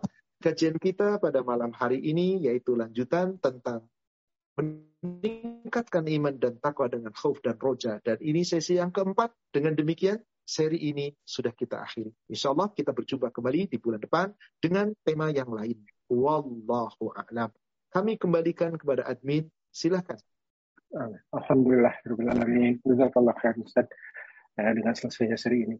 Uh, uh, sudah ada beberapa pertanyaan yang masuk. Kami ingatkan kembali bagi mereka yang bertanya langsung silahkan uh, gunakan fasilitas raise Nanti kami akan beri kesempatan. Saya. Ini pertanyaan pertama nih Ustaz. Assalamualaikum warahmatullahi wabarakatuh. Uh, izin bertanya Ustaz. Uh, tadi Ustaz menyampaikan surat Al-Baqarah ayat 218 bahwa yang berharap rahmat Allah salah satunya adalah yang berjihad di jalan Allah. Apakah yang dimaksud dengan jihad di dalam surat ini Ustaz? Jihad secara makna jahada yujahidu jihadun bersungguh-sungguh. Benar-benar bersungguh-sungguh. Sebenar-benarnya. Jihad maknanya luas. Tapi jihad yang dimaksud ayat ini bukan cuma perang, kital. Kalau jihad perang itu namanya kital. Tapi kalau jihad itu bersungguh-sungguh dalam semua hal, bisa dengan harta kita, bisa dengan jiwa kita, itulah mukmin yang sebenarnya. Yang Allah katakan di surat 49 ayat 15. Innamal mu'minuna alladzina amanu billahi wa rasulihi summa lam yartabu wajahidu fi sabil lillah bi amwalihim wa anfusihim. Sesungguhnya orang-orang yang beriman sebenar-benarnya adalah orang-orang yang benar-benar beriman kepada Allah, beriman kepada Rasulnya, kemudian tidak ragu-ragu untuk berjihad dengan harta mereka, dengan jiwa mereka di jalan Allah. Itulah orang yang imannya benar. Jadi berjihad itu Bapak Ibu dengan apa yang kita bisa lakukan harta kita, jiwa kita, benda, apa pun. Baik itu di medan perang, kalau di medan perang jelas hartanya, jiwanya, raganya sampai mati pun dilakukan. Tapi kita sholat, kita nyari ilmu, kita bersungguh-sungguh dalam ketaatan kepada Allah itu namanya jihad. Maka secara umum di surat 22 ayat terakhir, ayat 78. Allah perintahkan kepada kita, orang-orang yang beriman, berjihad itu sungguh-sungguh. Wajahidu fillahi haqqa jihadi huwa jatabakum wa ma ja'ala alaikum fid dini min haraj millata abikum Ibrahim. Ada perintah di situ. Maka berjihadlah kamu di jalan Allah dengan sebenar-benarnya. Anda sholat harus sebenar-benarnya sholat yang baik. Anda berbutuh sebenar-benarnya butuh yang baik. Anda baca Quran sebenar-benarnya baca Quran dengan niat yang baik. Anda mencari ilmu, niatkan cari ilmu dengan cara yang baik. Anda cari nafkah, bekerja, bekerja dengan cara aturan yang baik. Itu semuanya jihad. Maka sepanjang hidup, kita sesungguhnya berjihad di jalan Allah. Bersungguh-sungguh dalam menegakkan aturan Allah dan Rasul. Itulah makna yang dimaksud. Jihad di surat Al-Baqarah 218. Jihad secara umum. Demikian. Wallahu a'lam. Alhamdulillah. Uh, saya lanjutkan pertanyaan berikutnya. Bila Ustaz, uh, apa apa-apa saja ya apa-apa saja ya yang bisa kita lakukan sebagai muslimah untuk ikut memakmurkan masjid. Muslimah tidak memarkus memakmurkan masjid secara fisik. Kenapa? Muslim tidak diwajibkan sholat di masjid untuk lima waktu. Beda dengan muslim. Muslim itu wajib sholat lima waktu ke masjid tanpa alasan syar'i. Kalau muslimah tidak, tapi diperbolehkan. Nah, apa saja yang bisa dilakukan muslimah memakmurkan masjid? Membantu pelaksanaan masjid. Contohnya, di saat ada acara-acara tertentu, boleh ikut serta dalam masjid? Boleh. Seperti acara santunan, acara-acara ketika ada acara, misalkan acara-acara kajian, atau acara-acara kebaikan yang lain yang boleh dilakukan di masjid. Ikut serta. Bersodak untuk pembangunan masjid. Bersodakoh untuk kelancaran ibadah masjid. Bersodakoh untuk supaya apa? Kemakmuran masjid. Ini masuk daripada memakmurkan. Meskipun dia tidak di masjid. Karena memang para wanita ibadahnya yang terbaik adalah di rumahnya. Tapi diperbolehkan para wanita ke masjid. Jadi bagaimana cara wanita itu mendapatkan surga? Berbeda dengan laki-laki. Jihadnya wanita tidak perang di medan perang, memakmurkan masjidnya bukan hadir di masjid, tapi sekali waktu hadir di masjid, dengar kajian, ikut sholat jamaah, nggak ada masalah. Pahalanya sama, tapi tetap yang terbaik wanita di rumahnya. Sholat lima waktu. Tapi kalau kajian, Gak bisa harus ke masjid, adanya di masjid, ya datangi masjid. Itu cara memakmurkan masjid bagi para wanita. Dan wanita mana pun yang taat kepada Allah, tidak meninggalkan sholat lima waktu, tidak meninggalkan puasa Ramadan, dan menjaga kehormatannya, menjaga auratnya dengan sebaik-baiknya, dan mentaati suaminya. Bukankah Rasul katakan, Kila laha adkhulil jannah min syi'ti. Dikatakan kepada wanita tadi, silakan kamu memilih surga dari mana pun pintu surga yang delapan kamu masuki, silahkan. Subhanallah. Jadi perjuangan wanita sebetulnya lebih mudah daripada laki-laki. Hanya godaannya wanita juga lebih berat ternyata dari godaannya laki-laki. Wallahu a'lam. Demikian. Alhamdulillah Ustaz. Eh, berikutnya pertanyaan nomor tiga. Assalamualaikum Ustaz. Eh, apa bedanya bertakwa dan bertawakal? Tawakal itu bagian daripada takwa. Takwa itu ketaatan yang sempurna. Karena rasa cinta, rasa takut, dan rasa roja kepada Allah. Maka berbuat takwa. Puncak daripada iman itulah takwa. Maka surga hanya untuk orang takwa. Sebagai contoh, di surat Ali Imran 133. Wasari'u ila maghfiratin min rabbikum. Bersegeralah kamu untuk meraih ampunan Allah. Wajannah untuk meraih surganya Allah. Arduhas samawati wal ard. Yang luas surganya Allah itu bagaikan langit dan bumi. U'iddat lil muttaqin. Allah sediakan khusus untuk orang takwa. Jadi takwa itu tingkat tertinggi dari iman. Islam, iman, setelah Islam dan iman itu dilakukan dengan ihsan, maka buah akhirnya adalah takwa. Contohnya, ketika kita sahur di bulan Ramadan, siapa yang dipanggil? Ya ayyuhalladzina amanu. Hei orang yang beriman. Kutiba alaikum siyam. Diwajibkan atasmu kepada siam. Kutiba kama kutiba alalladzina min qablikum. Sebagaimana umat sebelum kamu sudah diutus oleh Allah supaya puasa la'allakum tattaqun. Agar kamu bertakwa. Jadi orang yang beriman diperintah oleh Allah ibadah, apa pun bentuk ibadahnya, itu sesungguhnya hasil akhirnya adalah untuk takwa. Coba lihat secara umum surat Al-Baqarah ayat 21. Ya ayyuhan nasu abudu rabbakum alladhi khalaqakum walladhina min qablikum la'allakum tattaqun. Hei orang-orang yang manusia, sembahlah Allah. Itu Rabbmu yang telah menciptakanmu dan menciptakan semua manusia sebelum kamu. Kenapa kamu harus ibadah kepada Allah? La'allakum tattaqun. Supaya kamu takwa. Jadi takwa itu tingkatan paling tinggi. Adapun tawakal buah dari takwa. Khauf, roja, itu semuanya buah daripada takwa. Maka semuanya dijaga untuk bisa meningkatkan iman dan takwa. Tawakal itu buah daripada takwa. Ada orang nggak takwa, nggak bakal tawakal. Apa itu arti tawakal? Tawakal itu maknanya berserah diri menyandarkan, mewakilkan kepada Allah. Tawakal tu Allah. Aku tawakal, aku wakilkan, aku serahkan segalanya kepada Allah. Maka ini buah daripada takwa. Takwa itu adalah ketaatan yang sempurna karena punya rasa takut yang sempurna. Itulah takwa. Tetapi tawakal buah dari takwa. Tawakal secara bahasa artinya menyerahkan diri segala sesuatunya kepada Allah. Maka sering sekali ayat yang mengatakan wa Allah falyatawakkalil mu'minin. Hendaklah kepada Allah orang-orang beriman itu tawakal. Itu dia makna dan perbedaan antara takwa dan tawakal. Tawakal buah hasil daripada takwa. Demikian wallahu a'lam.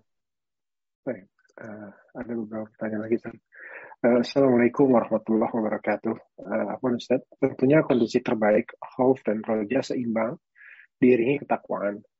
Namun dengan iman kita yang naik turun, perbandingan khauf dan roja seringnya tidak sama. Bagaimana kita, cara kita mewaspadainya dan memperbaiki secepatnya? Betul sekali seperti penanya yang menanyakan, khauf dan roja kita itu sering kali tidak sama. Perharapan kita kadang-kadang lebih tinggi tapi takutnya kepada Allah kadang-kadang kecil. Buktinya apa? Sudah tahu ini diharamkan, tapi sering dilanggar. Sudah tahu ini tidak boleh, tapi sering diabaikan. Tidak sudah tahu ini adalah perintah, tapi kadang-kadang suka dihindarkan. Ini jelas larangan, tapi kadang-kadang ditabas saja, diambil saja. Berarti apa? Rasa khaufnya berkurang. Sementara rojanya luar biasa. Maka dalam keadaan timpang seperti ini, miliki rasa takut itu dengan sungguh-sungguh. Khauf itu bukan hanya di lisan, maka ada khosyah di mana harus yakin Allah selalu mengawasi kita. Maka tanpa khauf sulit kita berhati-hati. Khauf itu harus tercermin di dalam diri kita, masuk ke dalam lubuk hati kita, tercermin di dalam diri berupa perbuatan. Yang perbuatan itu nggak mungkin menyimpang dari aturan Allah. Maka nggak mungkin kita dikatakan hauf kalau perbuatan kita nggak hati-hati. Berarti tidak dengan iman dan takwa. Hauf kita hanya di lisan. Padahal orang yang khaufnya kepada Allah sempurna, dijamin oleh Allah, pasti perbuatannya nggak sembarangan. Karena hati-hati. Kenapa hati-hati? Sebab takut kepada Allah. Coba dibuka ayatnya surat uh, uh, subhanallah. Al-Anbiya surat 21. Ayatnya ayat 26. 26 atau 28 ya, saya khilaf. Kalau enggak 26, 28, saya khilaf antara itu. Tapi bunyi ayatnya begini ya'lamu ma baina aydihim wa ma khalfahum wa la yashfa'un. Mereka yaitu Allah uh, dia Allah mengetahui apa yang di hadapan mereka, apa yang di belakang mereka, apa yang akan terjadi pada dirinya, apa yang akan telah terjadi, apa yang akan terjadi, siapa yang telah mengurus, apa yang telah kamu perbuat, malaikat yang menjaga, yang mengawasi. Allah tahu. Ayat berapa tadi? Saya khilaf. Ambil ayat berapa? 28. 28. 28. 28. 28. Jazakallahu khairan. Wala yashfa'un. Dan tidak akan ada gunanya syafaat. Gak berlaku syafaat. Illa kecuali lima nirtadho. Orang yang mendapat ridho untuk mendapat syafaat. Siapa orang-orang yang mendapat ridho memberikan mendapatkan syafaat?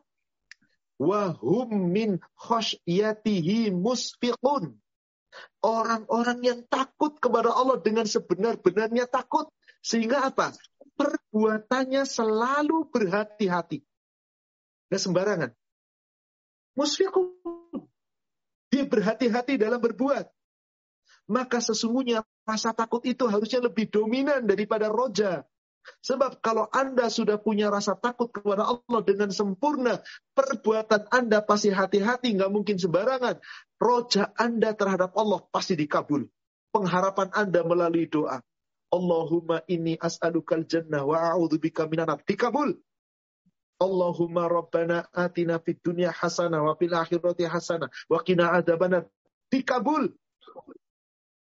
Allah janji kalau Anda betul-betul punya rasa khauf. Kenapa? Karena dengan khauf Anda nggak mungkin berbuat sembarangan. Anda nggak berbuat sembarangan, doa Anda pasti dikabul. Karena jaminan Allah demikian. Surat 42 ayat 26. Itu jaminan Allah. Wa yastajibu dan dia Allah akan mengijabah, akan mengabulkan, akan memperkenankan. Siapa yang diperkenan dalam doanya? Illadzina amanu wa salihat.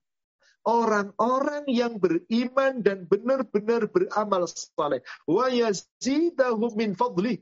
Bahkan menambah dengan karunia-Nya. Allahu Akbar. Wal kafiruna. Sedangkan orang-orang kafir lahum adabun syadid. Mereka hanya dapat siksaan. Karena nggak pernah berharap pada Allah. Nggak pernah punya rasa takut. Orang yang beriman, yang betul-betul menjaga diri dengan amal saleh, Allah kabulkan doanya. Maka dengan kita punya khauf yang betul-betul sempurna kita jaga, di saat kita kemudian futur, rasa takut hilang, kembali lagi dengan kita anaba, munib. Jangan lupa, kita harus selalu kembali kepada Allah dengan terus bertobat, bertobat, bertobat untuk menutup kesalahan yang lalu. Sehingga rasa takut timbul lagi. Sebab biasanya kalau orang sudah tidak takut sama Allah, bermaksiat dengan satu maksiat. Awalnya takut, diulangi kedua kali. Takutnya mulai berkurang, ketiga kali, kurang. Kalau sudah berulang-ulang maksiat, nggak punya rasa takut lagi. Lalu orang itu pesimis dalam berharap. Karena ketika berharap malu. Bagaimana saya berharap ampunan dan surga. Sedangkan apa yang dilanggar, yang dilarang Allah aku langgar. Itulah pentingnya kita anak kembali kepada Allah. kembali kepada Allah. Munib, jadilah orang-orang yang selalu bertobat kepada Allah. Untuk menutupi kesalahannya. Semoga dengan tobat itu, rasa khauf kita kembali lagi, roja kita tingkatkan lagi. Dengan demikian semoga iman dan takwa kita selalu kita jaga. Lagi kendur, tingkatkan. Terus, demikian yang kita harus lakukan sepanjang hidup kita. Insya Allah semoga kita bisa tetap istiqamah. Wallahu a'lam. Alhamdulillah. Ini ada uh, pertanyaan berikutnya singkat pertanyaannya Ustaz. Uh, Bismillah, uh, apakah kita mendapat pahala jika menyumbang uang ke masjid untuk acara mauludan dan rajaban? Saudara sekalian, Allah perintahkan kan di dalam surat Al-Maidah ayat kedua di bagian ujung wa ta'awanu 'alal birri wat taqwa wa la ta'awanu 'alal ismi wal udwan. Jangan tolong menolonglah kamu dalam ketaatan, dalam bir, al birro, kebaikan. Kebaikan itu baik menurut Allah dan Rasul, bukan baik menurut manusia. Dalam ketakwaan. Wala ta'awanu 'alal ith. Jangan tolong menolong dalam perbuatan dosa. Udwan, apalagi permusuhan. Saudaraku sekalian, acara-acara perayaan mauludan, rajaban, kan nggak pernah ada contoh dari Rasul. Mau diklaim kayak apa oleh pelaksana, ini kan niatnya baik, masa nggak boleh mauludan, masa nggak boleh rajaban, dan seterusnya. Rasul nggak pernah contohkan. Hadis sahih riwayat Imam Bukhari dan Muslim dari Ummul Mukminin Aisyah, Man ahdatsa fi amrina falaysa minni fahuwa raddun. Barang siapa yang mengada-adakan suatu urusan, urusan dalam agama kami yang tidak pernah ada contohnya dari kami, maka tertolak. Dalam lafaz Imam Muslim, Ummul Muminin mengatakan Rasul bersabda, "Man amila amalan falaisa min amruna hadza fahuwa raddun." Siapa yang beramal dengan suatu amalan yang tidak pernah ada contoh dari kami, maka tertolak.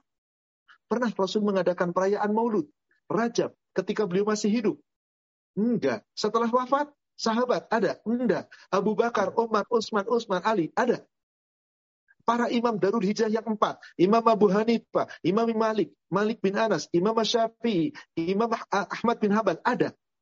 Orang Indonesia yang bermazhab Imam Syafi'i, tolong lihat di kitab Imam Syafi'i Al-Um. Pernahkah Imam Syafi'i menceritakan ada peristiwa perayaan seperti itu? Demi Allah, nggak ada. Kenapa sekarang diadakan? Terserah Anda. Maka acara ini nggak ada contoh dari Rasul. Ini perbuatan bid'ah. Bagaimana kita dukung? Berarti Anda mendukung sesuatu yang tidak baik. Jangan membantu.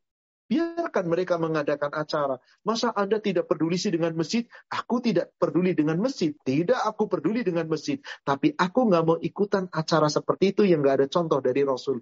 Meskipun diklaim oleh jutaan umat Islam bahwa perayaan itu mengenang Rasul itu baik, silahkan Anda berkata. Tapi semua amal akan tanggung jawab di hadapan Allah. Silahkan yang mengadakan maulid, Silakan yang mengadakan rojab, silakan yang mengadakan acara apa pun, tapi saya secara pribadi, karena itu tidak pernah ada dalil dan perintah dari Rasul. Tinggalkan. Apa kata Rasul tadi? Mana haitukum anhu, fajtanibu, wa ma amartukum, wa ma amartukum, fa'alu mastatoktum. Apa yang aku tidak perintahkan kepadamu, berarti aku larang, tinggalkan. Apa yang aku perintahkan, lakukan sekuat daya kamu. Pernah Rasul perintahkan maulid, Rajab dan seterusnya. Enggak. Mengenang Rasul enggak cukup setahun sekali. Tiap hari kita ikuti contoh Rasul. Kita tiap hari mengenang Rasul. Tiap hari kita harus mentaati cara Rasul. Bukan setahun sekali diperingati. Tapi bagaimana kita diikuti. Seperti yang Allah perintahkan tadi. Ayat-ayat yang sudah saya sampaikan. Surat 3 ayat 31, 32. Surat 24 ayat 52. Diulang lagi ayat 54. Surat An-Nisa ayat 69, ayat 80 dan puluhan ayat yang lain saudara kalian. Maka wallahu alam tidak ikutan tidak masalah. Anda ikutan berarti Anda mendukung sesuatu perbuatan yang gak pernah dicontoh Rasul. Kelak akan dimintai tanggung jawab. Demikian wallahu alam. Jika ada perbedaan di antara kita, jangan kita peruncing. Jangan kita kemudian ribut. Bismillah, silahkan lakukan. Walakum a'malukum, walana a'maluna. Bagi kamu amalmu, bagi kami amal kami. Yang akan menilai adalah Allah. Baik, Alhamdulillah. Uh, ini saya copy paste uh, surat uh, terjemahan surat. Assalamualaikum warahmatullahi wabarakatuh. izin bertanya Ustaz, uh, apa yang dimaksud dalam surat uh, 46 ayat 15? Di ayat tersebut terjemahannya uh, dan umurnya mencapai 40 tahun. Kenapa menunggu umur 40 tahun Ustaz? Uh, mohon pencerahan. Jazakallah khair. Ayat ini berkaitan dengan Nabiullah Ibrahim dan Nabiullah Ismail alaihi salam. Ayat ini adalah perintah secara umum manusia berbakti kepada orang tua. Dan perintah supaya anak berdoa untuk orang tua. Ayat angka 40 disebutkan itu bukan berarti nunggu 40 baru mendoakan tidak. Kisah hmm. ayat ini asbabun nuzulnya adalah ketika Allah bercerita kepada Nabi Muhammad bagaimana ketaatan Nabi Ibrahim di dalam menunggu memiliki keturunan, bagaimana kesalahan Nabi Ibrahim setelah Nabi Ibrahim memiliki anak yang namanya Ismail, sudah dewasa di dusun beli dan seterusnya, maka di sini perintah secara umum kepada kita adalah wa wasaina itu surat Al-Ahqaf surat 46 ayat yang ke-15. Wa wasainal insana biwalidayhi ihsana hamalathu ummuhu kurhan wa wada'athu kurhan. Diwajibkan untuk seluruh manusia berbakti, berbuat baik kepada orang tuanya. Wabil khusus kepada ibunya yang telah mengandungnya serta melahirkannya. Dan itu terjadi sampai salasuna syahrah lebih dari kadang-kadang antara lebih kurang 30 bulan. Mengandung, menyusui itu lebih kurang 30 bulan. Hatta balagha asyuddahu wa balagha arba'ina sana. Sehingga ketika anak yang telah dilahirkan itu dewasa dan usianya telah dewasa sampai umur 40 tahun. Qala anak itu berdoa, Rabbi auzi'ni an ashkura ni'mataka allati an'amta alayya wa ala walidayya. Ini bukan berarti kita berdoa mendoakan orang tua menunggu umur 40. Enggak ada kata-kata itu.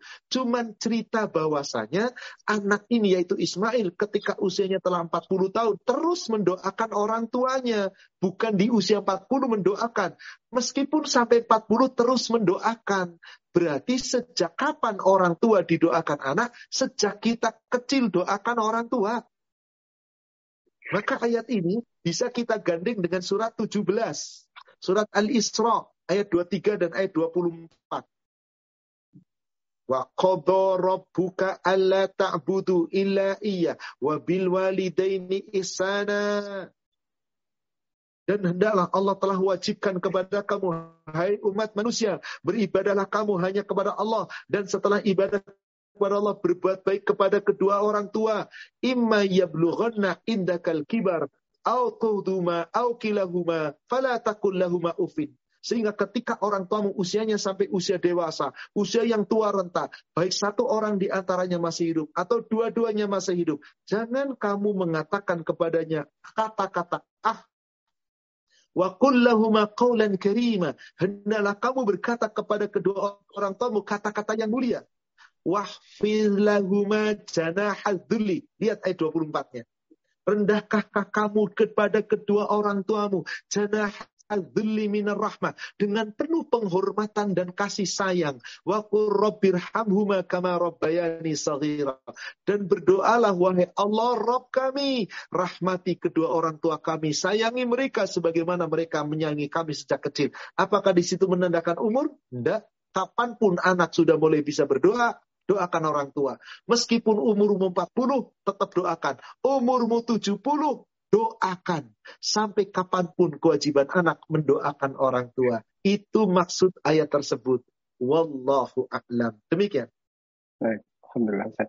Eh, maaf Ustaz, ini udah jam 9 malam waktu Indonesia. Ada dua pertanyaan yang di, di luar topik. Kan? Boleh, saya beri kesempatan dua pertanyaan lagi, silahkan. Baik, dua pertanyaan terakhir. Baik. Pertama ini Ustaz, eh, di luar topik. kalau fikum Ustaz, yang disebutkan bahwa dua kalimat yang ringan diucapkan di lidah berat dalam timbangan dan disukai oleh Allah yang Maha Pengasih yaitu kalimat subhanallah bihamdi dan subhanallah azim. Apakah zikir itu lebih baik dari sayyidul istighfar Ustaz? Mohon penjelasannya Ustaz. Bedakan antara sayyidul istighfar dengan zikir. Sayyidul istighfar bagian daripada zikir, tapi zikir yang mengandung doa permohonan ampun. Sementara dua kalimat itu lebih baik dicintai Allah dalam rangka zikir pengagungan. Banyak kedudukan yang berbeda, saudara sekalian. Tidak bisa dikatakan lebih baik dari Sayyidul Istighfar. Tidak, lihat keadaan, kedudukan. Jika Anda berzikir dalam segala hal, zikir-zikir yang sifatnya mutlak, kapan pun, di mana pun, di saat apa pun, zikirlah ini. Karena ini hadis sahih, riwayat Imam Bukhari dari Abu Hurairah. Rasulullah Shallallahu Alaihi Wasallam bersabda, kalimatan habibatan ila rahman, khafifatan fil lisan, sakilatan fil mizan.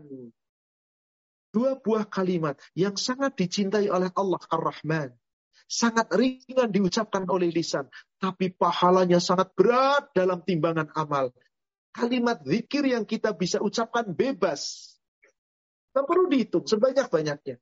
Apa itu kalimatnya? Subhanallah wa bihamdi. Subhanallahil azim. Maha suci engkau ya Allah. Dengan memuji namamu ya Allah. Maha suci engkau ya Allah yang maha agung. Ini pujian yang paling dicintai Allah.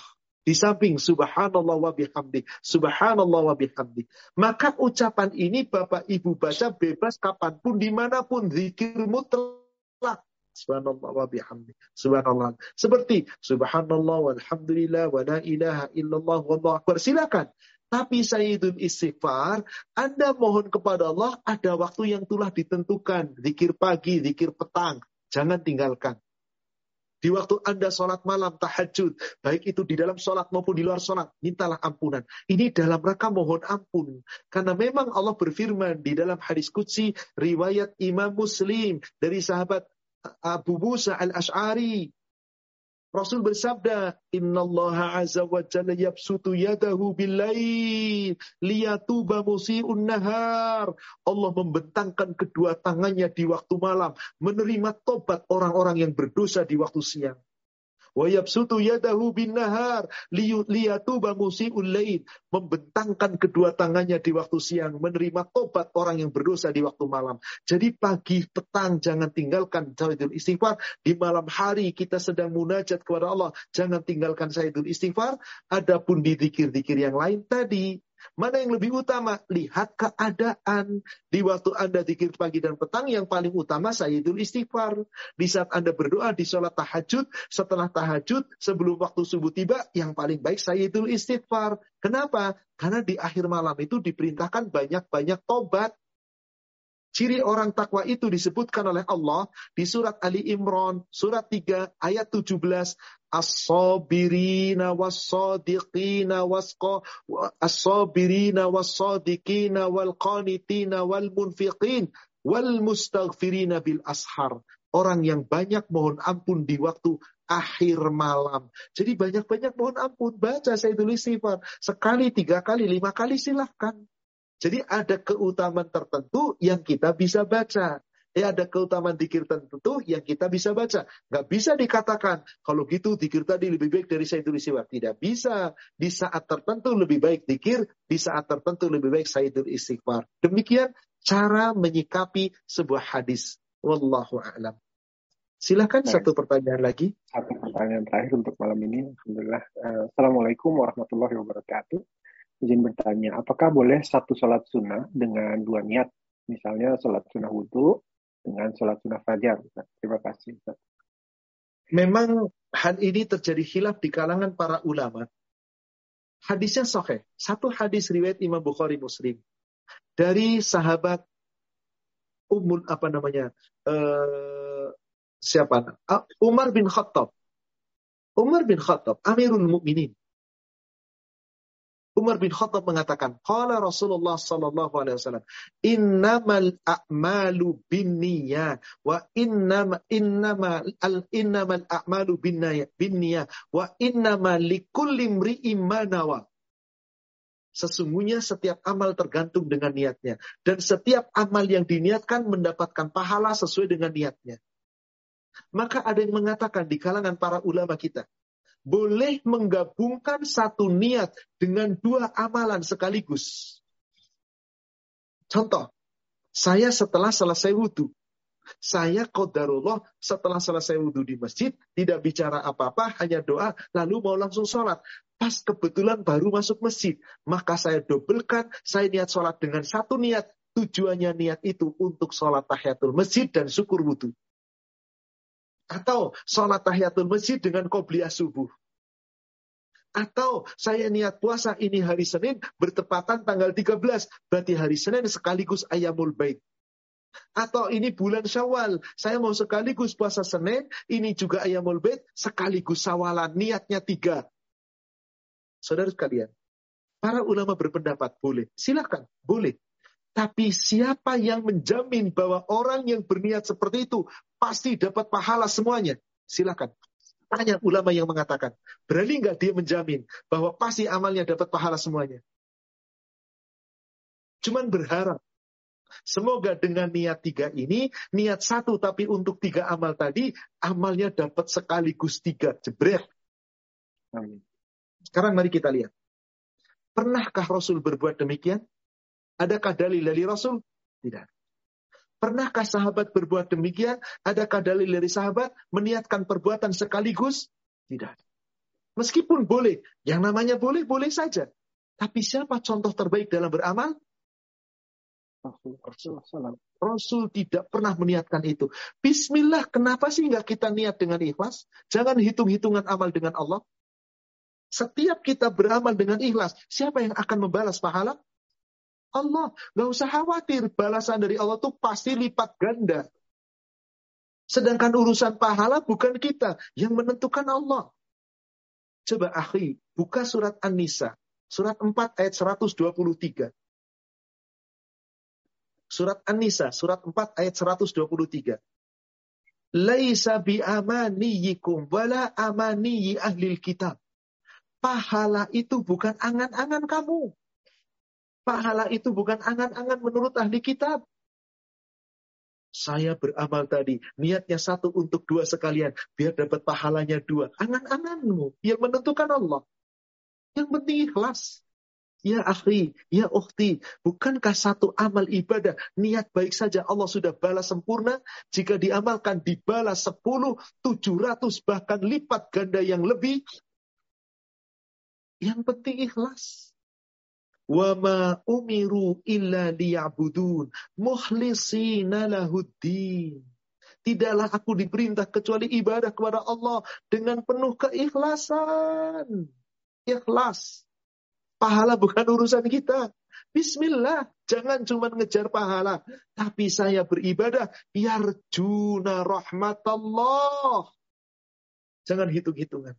Maka saya secara pribadi saya tidak sepaham dengan para ulama, para ustadz, para kiai yang mengatakan boleh meniat satu untuk sekian, dua, tiga amal. Silahkan boleh, tapi saya secara pribadi saya tidak sepaham. Karena saya meyakini Rasul contoh terbaik dan tidak pernah ada Rasul meniatkan satu niat untuk sekian amalan. Sahabat pun tidak. Bahkan Rasul selalu meniatkan satu untuk satu. Dan ikhlas karena Allah. Dalil-dalil mengatakan dibalas dengan lebih. Surat 6 ayat 160 pun Allah katakan, "Man jaa bil hasanat falahu asyru amsalihha." Siapa yang datang dengan membawa satu kebaikan, satu aja, niatkan satu. Allah balas sepuluh kali lipat. Dalam hadis Sahih Bukhari Muslim, dibalas sepuluh sampai tujuh kali lipat, bahkan lipat ganda yang lebih. Selama kita niatkan semua amal itu, mengharapkan ridha Allah. Wallahualam, itu yang saya yakini. Jika berbeda, tidak ada masalah. Karena memang ada perbedaan di kalangan para ulama. Sebagian ulama mengatakan boleh, sebagian ulama mengatakan sebaiknya tidak. Cukup niatkan satu amal untuk satu. Biarlah Allah yang menentukan pahala. Sebab dalilnya tadi, Anisa 123. Laisa bi amaniyikum. Pahala itu bukan angan-anganmu. Pahala itu urusan Allah. Bukan angan-angan ahli kitab. Yang penting mari kita beramal soleh. Maka di ayat 123 ditambah ke ayat 124-nya di Anisa dikatakan apa? Waman ya'mal minal salihat min dzakarin au unsa. Siapa pun yang beramal dengan amal-amal yang baik, baik itu laki-laki atau perempuan, wahwa mukmin dan mereka beriman, faulaika yadkhulunal jannah wala yudlamuna naqira mereka pasti akan masuk surga dan tidak digolimi sedikit pun. Jangan cuma ngejar pahala. Kejarlah rahmat Allah. Yarju berharap dengan rahmat Allah. Itulah yang tadi Allah sampaikan Al-Baqarah 218. Wallahu a'lam. Jika ada perbedaan, jangan kita kemudian ribut, jangan kita kemudian saling berselisih. Apa yang Anda yakini, saya tetap berniat dua, tiga sekaligus dengan satu niat, monggo. Saya secara pribadi tidak. Satu niat untuk satu amal. Itu yang selalu saya lakukan. Saya mencontoh bagaimana Rasul telah berbuat demikian. Wallahu a'lam. Demikian saudaraku seiman. Sekali lagi, khazanah ilmu. Ada perbedaan? Gak ada masalah. Yang penting kita punya keyakinan dan amalkan keyakinan itu sebaik-baiknya. Semoga kita mendapatkan pahala. Jika salah, pahalanya satu. Jika benar, pahalanya berganda dua. Wallahu a'lam. Demikian saudaraku seiman, para jamaah paduka yang ikut kajian kita pada malam hari ini waktu Indonesia dan siang hari waktu Eropa. Semoga membawa manfaat dan hikmah. Insya Allah, Allah perjumpakan kita lagi di waktu yang lain. Mari sama-sama kita akhiri dengan membaca doa kafaratul majlis. Subhanaka Allahumma wa bihamdika. Ashhadu an la ilaha illa anta. Astaghfiruka wa atubu ilaih. Alhamdulillah. Billahi taufik. Assalamualaikum warahmatullahi wabarakatuh. Waalaikumsalam warahmatullahi wabarakatuh. Jazakallah khair Ustaz. Wa ya. Jazakumullah khairan. Barakallahu fikum untuk Bapak admin dan untuk para pengurus paduka dan para jamaah sekalian. Saya mohon pamit. Jazakumullah khairan. Barakallahu fikum. Waalaikumsalam. Baik, uh, dari kami, kami juga mohon maaf jika ada kesalahan maupun kekurangan. Insya Allah kita akan bertemu kembali di pekan depan. Barakallahu fikum. Assalamualaikum warahmatullahi wabarakatuh.